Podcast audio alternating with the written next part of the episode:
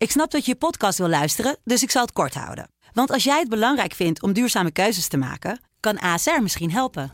Nou hoor ik je denken, hoe dan? Nou, bijvoorbeeld bij het duurzaam herstellen van schade. Of de premies die we beleggen volgens ons duurzaam beleggingsbeleid. Dat bepaalt waar we wel en juist niet in investeren.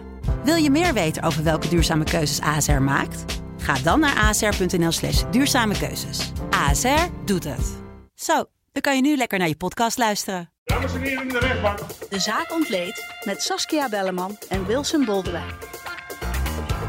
Ik hoop maar dat ze niet bij meester Paul komt, want die is verkeerd. Is er dan geen enkel kind geweest die dat gezien heeft? Een podcast van De Telegraaf. Mijn seksuele voorkeur gaat ook helemaal niet uit naar kinderen van die leeftijd. Hij zegt, ik vind het zelfs walgelijk. Saskia, welkom. Dankjewel. Ja, zedenzaken. Hè? Het is echt een nachtmerrie van elke ouder. Je zet je dochter niets vermoedend af bij school. En dan wordt zij misbruikt door haar leraar. Het zou zijn gebeurd tussen 2017 en 2020 bij drie meisjes in Noordwijkerhout. Het gaat om basisschoolleraar Paul van D. Hij kreeg daarvoor uh, drie jaar cel uh, opgelegd, waarvan één jaar uh, voorwaardelijk. Ja. Maar in het hoge beroep gebeurt er nu toch iets bijzonders. Het gaat over uh, deskundigen die echt lijnrecht tegenover elkaar staan. Klopt. Ja, de ene deskundige zegt dat uh, de slachtoffertjes uh, betrouwbaar hebben verklaard. En de ander zegt dat kan die deskundige helemaal niet concluderen. Het was juist een uitermate suggestief verhoor. Dus ja, lijnrecht tegenover elkaar. Maar op basis van een van die rapporten is die man wel veroordeeld. We gaan het zo verder hebben over deze zedenzaak. We gaan het eerst hebben over de twaalf IS-vrouwen die terechtstaan voor slavernij. Ja, die IS-vrouwen, dat is sowieso een heel groot topic altijd geweest. Hè? Van moet ja. je ze terughalen daar vandaan. Ja. Nu staan er twaalf, die staan voor het hekje. Ja. ja, uiteindelijk heeft eh, de overheid toch besloten om die twaalf terug te halen eind vorig jaar. En dat was omdat anders de rechtbank zei, ja, dan, dan beëindigen wij gewoon de zaak tegen die vrouwen. Want dit sleept gewoon al te lang voort. Nou, die vrouwen gaven zelf ook aan, toen ze nog in dat vluchtelingenkamp in Syrië zaten, dat ze hun eigen rechtszaak wilden bijwonen. Ze zijn teruggehaald met hun kinderen en afgelopen woensdag en donderdag moesten, nee sorry, uh, dinsdag en woensdag moesten dus twaalf vrouwen voor de rechter verschijnen in Rotterdam. En dat gebeurde dus eigenlijk niet, zou je kunnen zeggen, want het merendeel uh, liet verstek gaan, bleef gewoon in de cel zitten. Ook al hadden ze oorspronkelijk aangegeven dat ze hun zaak wilden bijwonen. Ja. Nou waren dit nog inleidende zittingen, dus je zou kunnen zeggen, nou ja, oké, okay, ze hadden nog niet echt een belangrijke rol. Er zou nog niet echt een ondervraging plaatsvinden. Dat gebeurt pas bij de inhoudelijke behandeling. Maar het is toch een beetje een vreemd signaal, zou je kunnen zeggen. Ja, wat mij zo ontzettend lastig lijkt van deze hele zaak. Mm -hmm. Dat is trouwens ook gewoon lastig, per definitie. Het heeft zich allemaal daar in dat Noord-Syrië, Zuid-Irak afgespeeld. Ja. Um, getuigenissen heb je in gelukkig wel van die Yazidi-vrouwen, die dan ja. als uh, slavinnen zijn uh, uh, gebruikt. Ja. Alleen, ja, derde personen die het hebben waargenomen, gaan er maar aan staan. Nou ja, wat wel bewezen kan worden, is dat die vrouwen daar zaten. In een periode dat IS dat kalifaat daar had gesticht. Um, en ook wel duidelijk was wat IS daar allemaal aanrichtte voor gruweldaden. Dus ja, deze vrouwen kunnen niet zeggen, we hebben van niks geweten. Uh, we wisten absoluut niet wat er allemaal gebeurde. Wat je eigenlijk wel tot nu toe iedere keer hoort van vrouwen die naar IS-gebied gaan.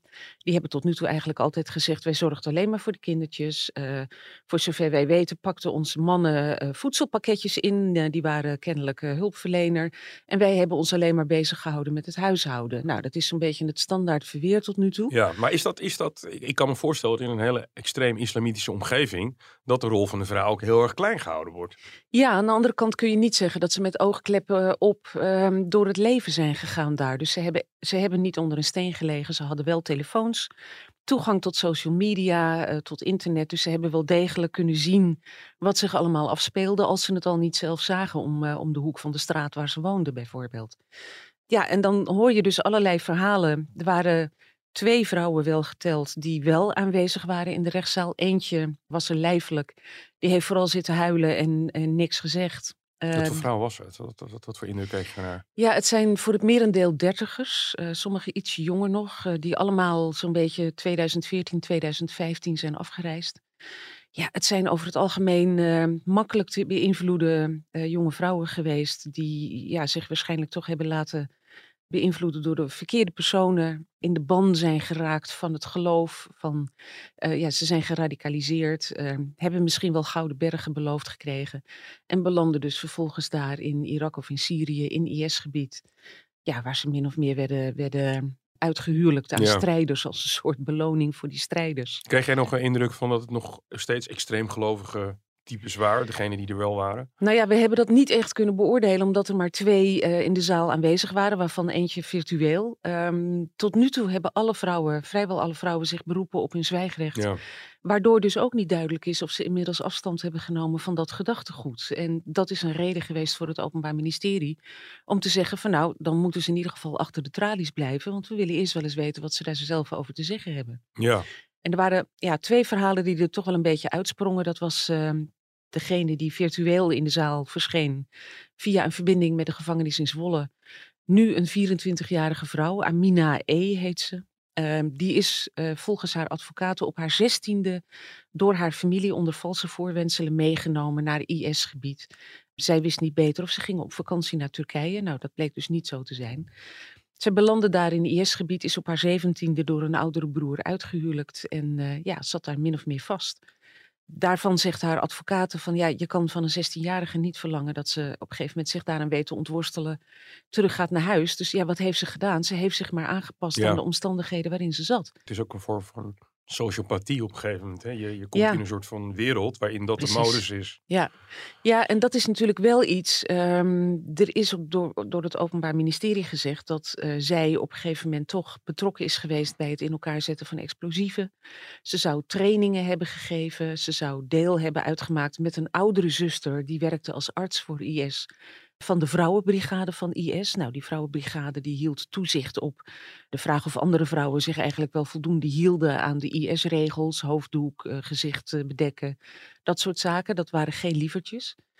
En ze zou zich zelfs vrijwillig met een aanmeldingsformulier, want kennelijk was IS ook wel van de bureaucratie, Een aanmelding. een aanmeldingsformulier, daarmee zou ze zich hebben aangemeld voor het plegen van een zelfmoordaanslag. Ja, dat zijn natuurlijk wel weer dingen waarvan je denkt, oké, Ja. ze zal op haar zestiende niet hebben geweten wat ze moest doen om, eh, om zich eraan te onttrekken, maar heeft daarna toch ja, in een redelijk vergaande manier, als dit allemaal klopt, ehm, zich aangesloten bij dat gedachtegoed.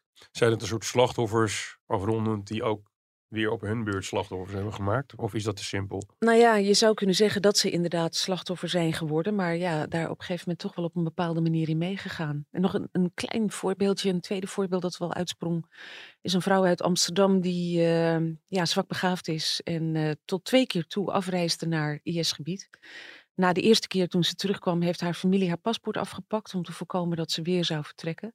Maar stom genoeg heeft de gemeente Amsterdam haar vervolgens een ID-bewijs gegeven, Ja. met als gevolg dat ze alsnog kon afreizen.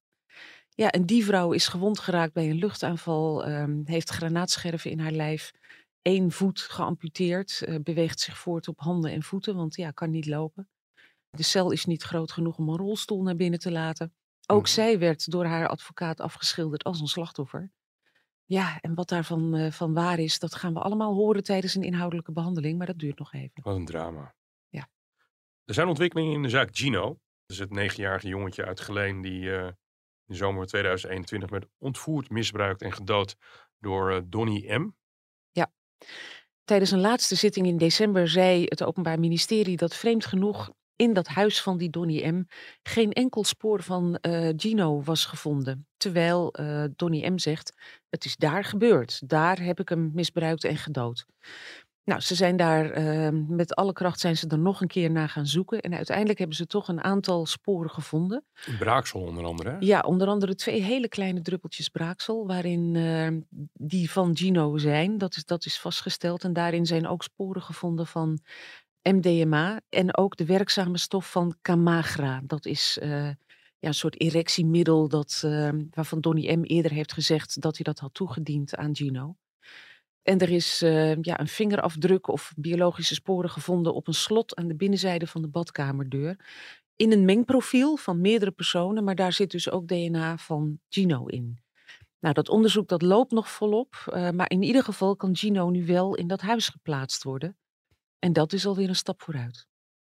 Dan gaan wij eh, naar Noordwijkerhout, een eh, Rooms-Katholieke eh, basisschool waar meester Paul werkt. In welke klas gaf hij les destijds? Ja, dat waren er meerdere. Hij heeft daar een aantal jaren gewerkt. Hij heeft in meerdere groepen gestaan en dat verklaart ook waarom de vermeende slachtoffertjes vier, zeven en acht jaar oud zijn. Omdat hij meerdere groepen les gaf. Hij, hij is dus een leraar die laveert zeg maar, tussen verschillende klassen. En op een gegeven moment ontstaat er een verhaal. Ja. We praten over de periode 2017, 2020. Waar, waar is dat verhaal begonnen? Ja, dat verhaal is eigenlijk begonnen bij een leerling um, die op een gegeven moment hoorde dat, um, ik geloof een zusje van een, een, vriendinnetje van haar, in een klas zou komen. En op een gegeven moment zei zij, ik hoop maar dat ze niet bij meester Paul komt, want die is verkeerd. Hmm. En dat balletje is aan het rollen gegaan via een vriend van de familie die dat hoorde die daar op een gegeven moment over is gaan praten met de ouders. En toen kwam het, het verhaal naar boven van dat meisje. Dat zij door meester Paul uh, een paar jaar eerder op schoot zou zijn genomen tijdens de les, gewoon in een volle klas. En dat hij haar uh, geslachtsdelen onder het bureau zou hebben betast. Nou, dat verhaal dat is op een gegeven moment gaan rollen. Dat meisje is gaan appen met een vriendinnetje heeft gezegd van weet je nog, meester Paul, wat er gebeurd is. Nou, dat vriendinnetje was erg afwerend in die app-contacten. Had zoiets van ik wil er niet over praten. Hou er mee op, stuur me geen berichtjes meer. Maar dat vriendinnetje zou dus ook slachtoffer van meester Paul geweest zijn. En er is sprake van een vierjarig meisje dat op een gegeven moment tegen haar ouders had gezegd dat meester Paul aan haar plassertje had gezeten. Dat was voordat uh, de verdenking uh, naar buiten kwam. Die ouders die zijn naar veilig thuis gestapt, die hebben daar melding van gemaakt. Maar daar was het nog even blijven steken. Daar was verder nog niks mee gebeurd. Nee. Dus ja, het, het komt uit de hoek van leerlingen zelf. Die, We praten uh, dus over drie leerlingen. Ja. Die zijn inmiddels al ouder? Die zijn inmiddels al ouder, maar die waren destijds dus vier, de jongste, zeven en acht jaar oud. En het meisje van vier zou dan het meest recent uh, misbruikt zijn, terwijl de oudere kinderen een paar jaar geleden, vanaf 2017, zijn misbruikt. En die zijn daar dus ook pas een paar jaar later over gehoord door um, speciale regisseurs die gespecialiseerd zijn in het horen van kinderen. Dit speelt zich allemaal een paar jaar geleden af, want uh, meester Paul is uiteindelijk ook gewoon opgepakt. Ja. Een deskundige heeft uh, het getuigenis van de meisjes uh, beoordeeld. Ja. Die zijn door de rechtbank als valide gezien. Ja. En meester Paul is achter slot en grendel terechtgekomen. Ja, meester Paul is veroordeeld tot uh, drie jaar cel, waarvan één jaar voorwaardelijk. Hij heeft die straf inmiddels uitgezeten. Maar nu loopt de zaak in hoger beroep. En, uh, van, ja. wiens, van wiens kant loopt hij in hoger beroep? Uh, van het OM? Volgens mij van beide kanten. Hmm. Ja, volgens mij zijn ze beide in beroep gegaan. Meester Paul heeft in ieder geval altijd ontkend dat dit gebeurd is. En die is sowieso in hoger beroep gegaan. Hij zegt, ik heb het gewoon niet gedaan. Het is niet gebeurd. Ja, er is um, wel iets van kinderpornografisch materiaal op de telefoon aangetroffen hè, van ja. uh, meester Paul. Er is uh, één foto aangetroffen die direct benaderbaar was op zijn telefoon, die je als kinderpornografisch zou kunnen zien. Ja. En er is een, een filmpje, een dierenporno filmpje aangetroffen op zijn telefoon. Nou, van die laatste zegt hij, die is mij toegestuurd door een oom, die daar kennelijk iets mee heeft. Ik heb daar helemaal niks mee, maar het was er gewoon nog niet van gekomen om dat te verwijderen. Nou, die oom zou dat verhaal ook bevestigd hebben. En die andere foto, ja, daarvan zegt hij, ja, die had ik inderdaad op mijn telefoon staan. Maar hij ontkent dat hij een seksuele voorkeur heeft voor die leeftijdscategorie. Ja. Nou is het zo dat er in de oorspronkelijke telastenlegging meer kinderpornografische afbeeldingen werden opgevoerd. Maar daar ging het om zogenaamde thumbnails. En dat zijn volgens mij bestanden die niet direct benaderbaar zijn. En die ja, mee kunnen komen via het downloaden van andere programma's. Uh, ja, ik ben, ik ben ook eigenlijk ICT-technisch gezien niet genoeg nee. onderlegd om dat precies de status uh, daarvan uh, te weten. Nee, het is in ieder geval zo dat de rechtbank heeft gezegd ehm, dat achter nee. vinden wij geen bewijs. Dus nee. die zijn niet meegenomen in het bewijs. Ja, Blijft over één foto. Ja. ja, en dat is natuurlijk wel, eh, als je kijkt naar verdachten in dit soort zaken, die echt een voorkeur hebben voor, voor kinderen, een seksuele voorkeur hebben voor kinderen in die leeftijd, die hebben vaak honderden, soms wel duizenden van dat soort afbeeldingen op telefoons en op laptops en zo staan. Ja, er is Dus niets ja, aangetroffen op dat Niets, gebied. nee. Tenminste, niet in die, in die hoeveelheid. Nee, nee, dat Nee. klopt. Ja, hij is dus in december 2020 is hij eh, veroordeeld Ja. door de rechtbank in Den Haag. Op basis ook van een, eh, wat ik net zei, van een, eh, een deskundige die heeft gezegd van nou die, die meisjes, hè, het, zijn, het gaat om drie meisjes. Ja. Het klopt wat zij hebben gezegd, althans ik zie dat als valide. Ja. En daar is nu het een en ander mee aan de hand. Dat klopt. De deskundige die in eerste instantie een rapport heeft opgemaakt was psychologe, dokter Fenna Politiek van de Universiteit Leiden. En die zei van deze meisjes die hebben gewoon consequent verklaard. eh, ze zijn niet beïnvloed tijdens die studioverhoren. Er zijn open vragen gesteld. Ze zijn niet gestuurd. Dus die verklaringen zijn betrouwbaar.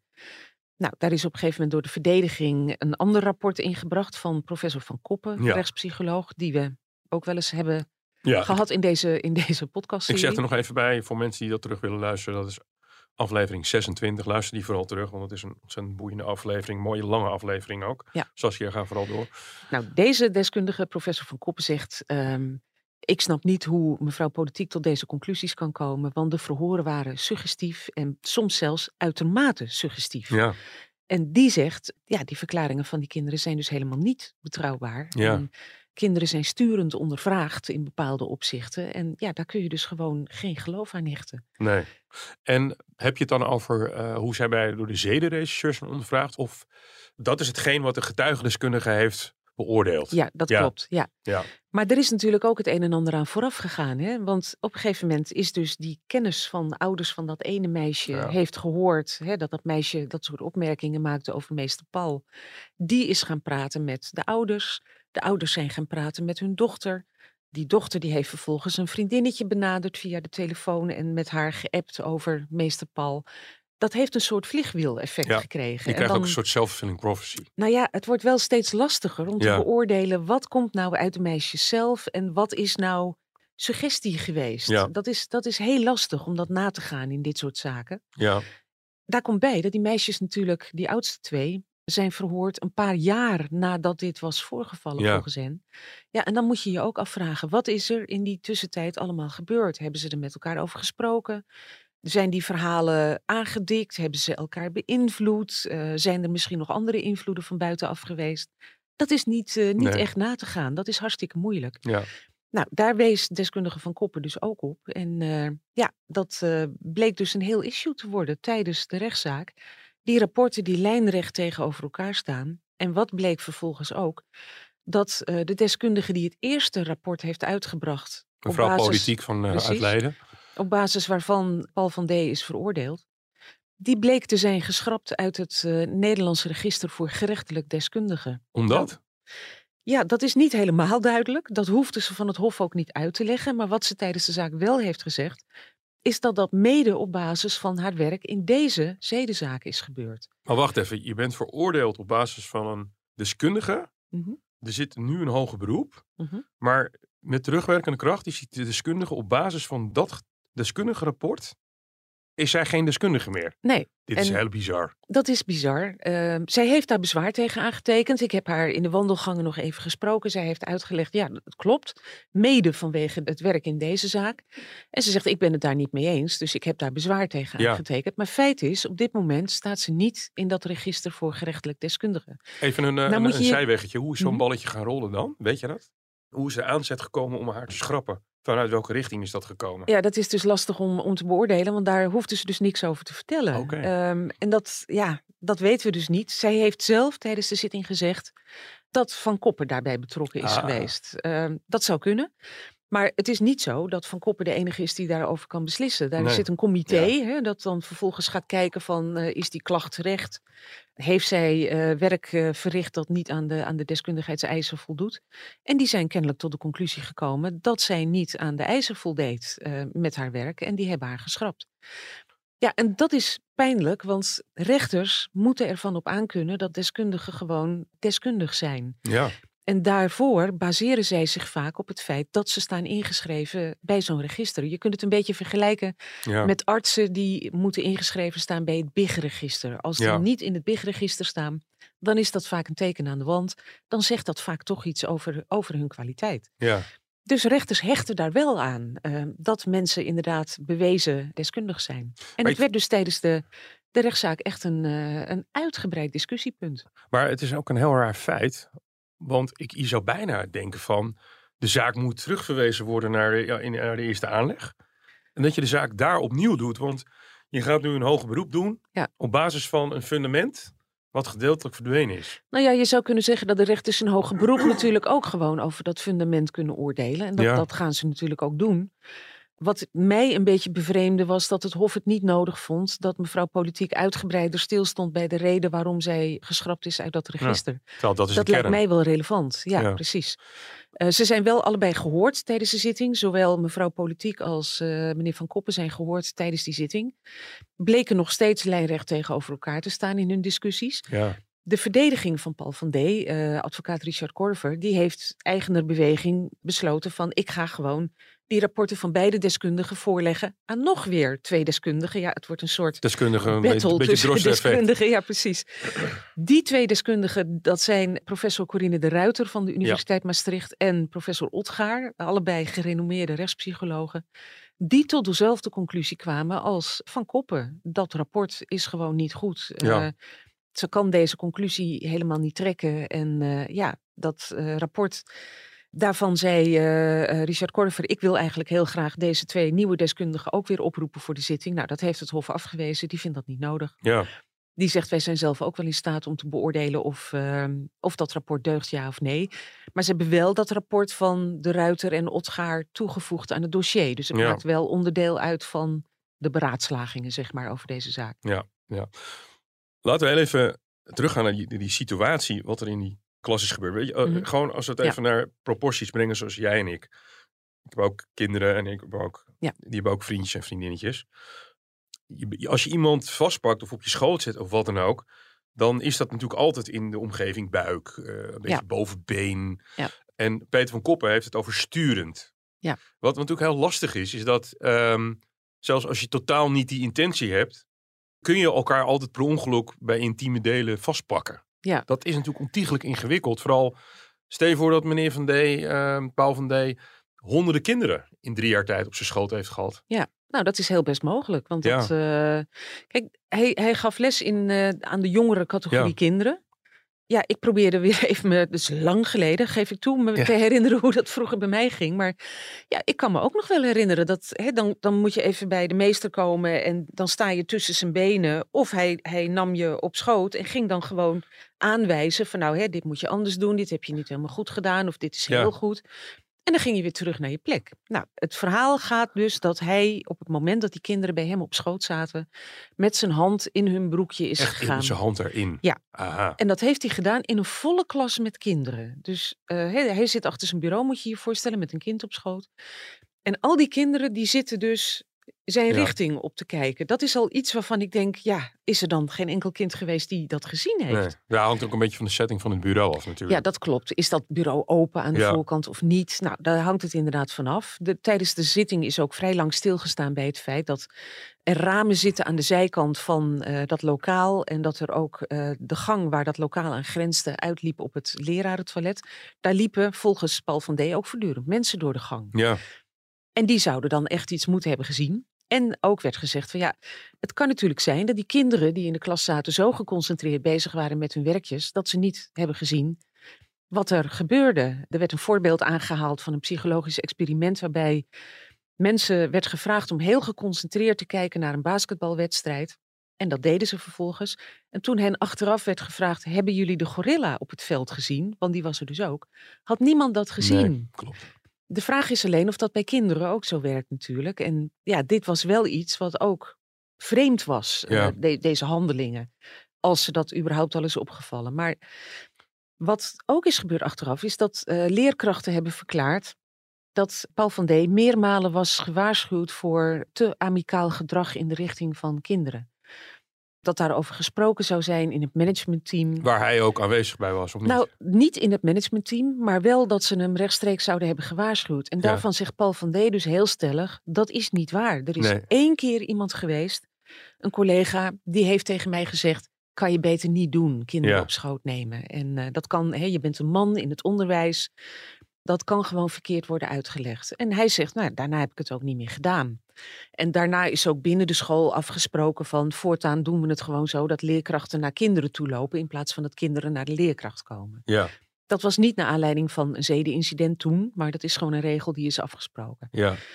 Hij zegt, ik ben nooit aangesproken door andere mensen dan alleen maar door deze ene leerkracht die Ja. dat tussen neus en lippen deed. Die leerkrachten zeggen wel achteraf allemaal van, ja, het viel wel op dat hij eigenlijk altijd de screens neerliet voor de ramen en dat het licht in zijn lokaal altijd uit was.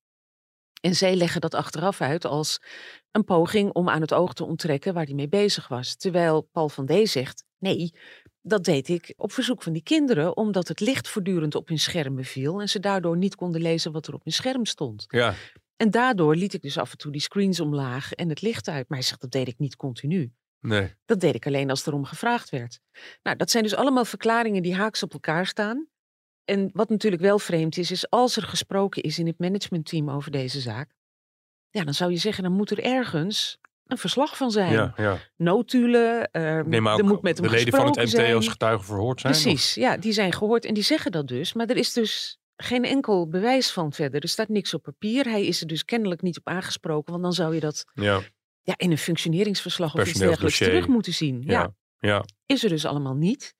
Ja, en hij ontkent. En hij zegt gewoon van, ik heb het gewoon niet gedaan. Mijn seksuele voorkeur gaat ook helemaal niet uit naar kinderen van die leeftijd. Hij zegt, ik vind het zelfs walgelijk, die Ja. suggestie. Ja. Dus ja, weet je, Tegelijkertijd kan je niet, ook niet veel anders zeggen dan dat natuurlijk. Eh, uiteraard. ja. Ja. Ja, kijk, en ik ga me ook... eh, Wij zijn geen rechters hier. Nee, ik ga niks zeggen er over of ik denk of je het heeft gedaan of niet, want dat weet ik niet. Nee. Eh, we zijn er met z'n allen niet bij geweest. Maar Het is een uiterst complexe het is een zaak. hele complexe zaak hierdoor. Juist omdat die deskundigen zo lijnrecht tegenover elkaar staan. Ja, en dat kan het Hof toch ook niet helemaal negeren. Hoe is het eigenlijk met Paul van D? Want hij woont namelijk nog steeds in diezelfde gemeenschap. Hij heeft zijn straf Ja. uitgezeten. Hij heeft zijn straf Voor uitgezeten. een, voor, een, en, voor, eh, een, voor een misdrijf waarvan een ieder rationeel mens denkt... ik ga even ergens anders wonen. Ja, maar hij zegt, ik, eh, mijn terugkeer in het dorp is eigenlijk gewoon geruisloos verlopen. Sterker nog, zegt hij, ik heb ontzettend veel steunbetuigingen gekregen. Die had hij ook meegenomen in een plastic tasje. Allemaal kaartjes en brieven van ouders die eh, zeggen dat ze blij zijn dat hij terug is. Dat ze niet geloven in waar hij van wordt beschuldigd. Dat is ook wel vrij bijzonder. Ja, Omdat het eh, ja, toch eigenlijk vaak zo is in zedenzaken dat eh, mensen zich verder houden van een oordeel en ook nou ja, geen steunbetuiging gaan uitspreken als ze denken van eh, waar rook is, is vuur. Maar die heeft hij dus kennelijk wel gekregen, Ja, al die steunbetuigingen. wat, wat doet hij op dit moment met zijn leven? Want hij, een- zit niet meer in het onderwijs. Nee, hij heeft een totaal andere baan. Eh, ja, het is de vraag of hij ooit nog in het onderwijs aan de slag kan natuurlijk. Dat hangt er vanaf wat het oordeel van het Hof zal zijn. Maar hij zegt, ja, onderwijs was mijn lust en mijn leven. Ik was gewoon, dit is de baan die ik altijd heb willen hebben, leerkracht. Ik vind het heerlijk om kinderen dingen te leren. En ik vind het verschrikkelijk dat ik dat niet meer kan doen. En ja, als die veroordeling wordt bevestigd door het Hof, dan betekent dat dat hij geen eh, verklaring omtrent gedrag meer krijgt. En dan is zijn carrière binnen het onderwijs voorbij. En ja, als inderdaad het waar is dat hij het niet gedaan heeft, dan is dat heel tragisch. Hij heeft iets zwaar gehad in detentie. Hij heeft het heel zwaar gehad. Hij is ook een keer mishandeld. Ja, dat, zo gaat dat in gevangenschap. Hè? Ja. Dan, eh, in de gevangenis sta je als, eh, als zedenverdachte onderaan de ladder. Ja, En daar hebben eh, mensen die de meest vreselijke dingen doen, moorden plegen en zo, toch een oordeel over blijkbaar. En daar heeft hij ook mee te maken gehad. Dus ja, hij heeft het zwaar gehad. wat voor man zit daar? Zie je een gebroken man? Zie je een strijdvaardige man? Wat voor type man eh, is het? Ik vond hem best eh, strijdbaar. Maar hij oogde ook wel heel vermoeid en heel verdrietig. Ja. Kan het eigenlijk niet anders uitdrukken. Hij, hij was heel erg stellig in zijn ontkenning. Hij bleef daar echt bij. Ik vind het walgelijk. Ja. Ik zou zoiets nooit doen. Ik heb het ook niet Ja. gedaan. En eh, ik ben onschuldig. Ja, en hij is, va- hij is zelf vader van twee jonge kinderen. En de derde is op komst. Zijn, zijn vrouw is hoogzwanger. Hoe oud is Eh, hij? Hij is 39. Dus ja, als hij het niet gedaan heeft, is dit in alle opzichten een diep tragisch verhaal. Maar hij heeft wel weer zijn leven opgepakt. Hij heeft inmiddels eh ander soort werk. Ja. Heel anders. eh, niet meer met kinderen.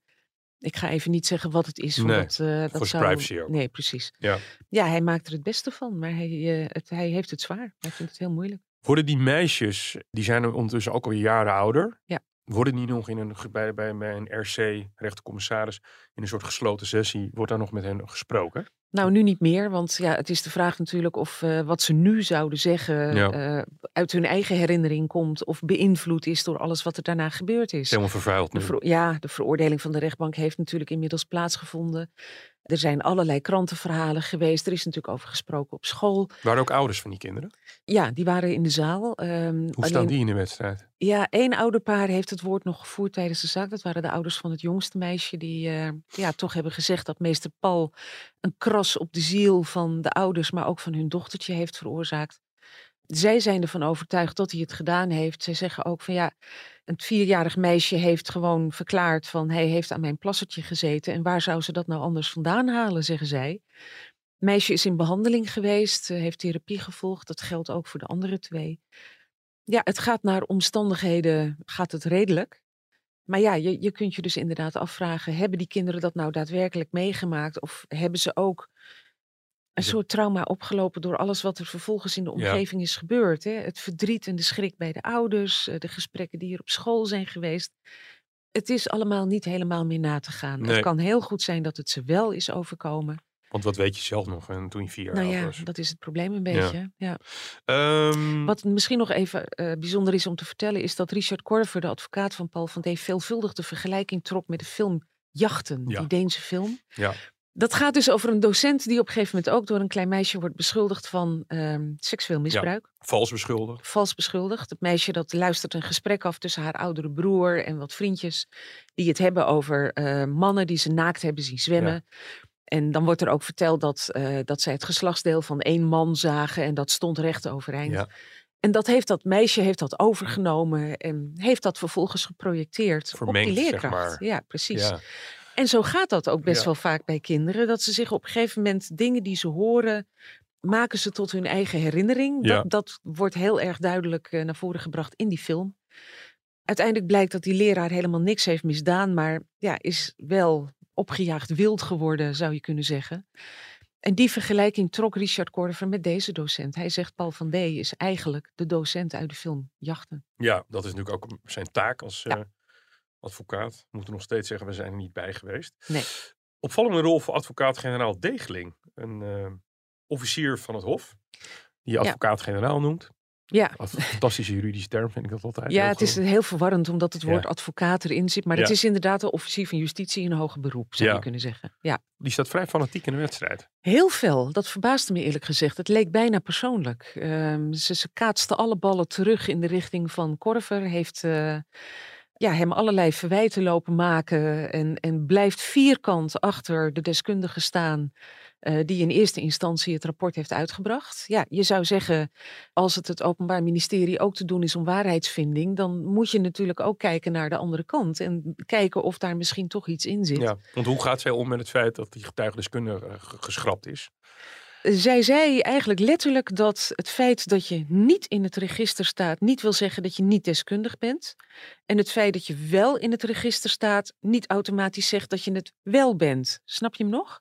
Ja, Afijn, ze bagatelliseerde eigenlijk de betekenis van dat register. Ja. Daar, komt, daar komt het op neer. En ze zei van ja, deze mevrouw heeft gewoon een goed rapport uitgebracht. Ehm, wij gaan daar gewoon van uit. Wij baseren ons daarop. En zij wil niks horen van kritiek op dat rapport. En de felheid waarmee ze dat deed, die verbaasde me wel enigszins. Omdat ik toch dacht van ja, het kan misschien geen kwaad om even die deskundigen nader aan de tand te voelen over de vraag hè, waarom ze zo lijnrecht tegenover elkaar staan. Dat is uitgebreid gebeurd tijdens een van de zittingsdagen. Maar niet echt heel uitgebreid door de advocaat-generaal, moet ik zeggen. Dus Ja. dat vond ik eerlijk gezegd wel verbazend. het lijkt mij overigens een zaak. 27 februari is uitspraak die volgens mij nog wel bij de Hoge Raad terecht kan komen uiteindelijk. Nou, ik denk dat dat wel zeker is, als Ja. er inderdaad een veroordeling volgt. eh, omdat Richard Korver dat al min of meer heeft aangekondigd. Die Ja. heeft al gezegd van ja, deze gang van zaken, dat eh, het deugt gewoon niet. Maar het is ook goed dat, hier, dat daar jurisprudentie overkomt. Ja, vind ik ook hoor. Ja, Ja. absoluut. Ja. ja, en misschien is tegen die tijd ook wel duidelijk wat er gebeurt met het bezwaar van mevrouw Politiek tegen de schrapping uit het register. Misschien eh, dat ze er tegen die tijd wel weer in staat. Wie weet. Uitspraak, nogmaals 27 februari. Saskia, dankjewel. Graag gedaan. Dit was de zaak ontleed voor deze week. Mijn naam is Wilson Boldewijn. Vindt u dit een leuke podcast? Laat u dan een recensie achter. Afhankelijk van het platform waarop u dit terugluistert. Tot de volgende keer.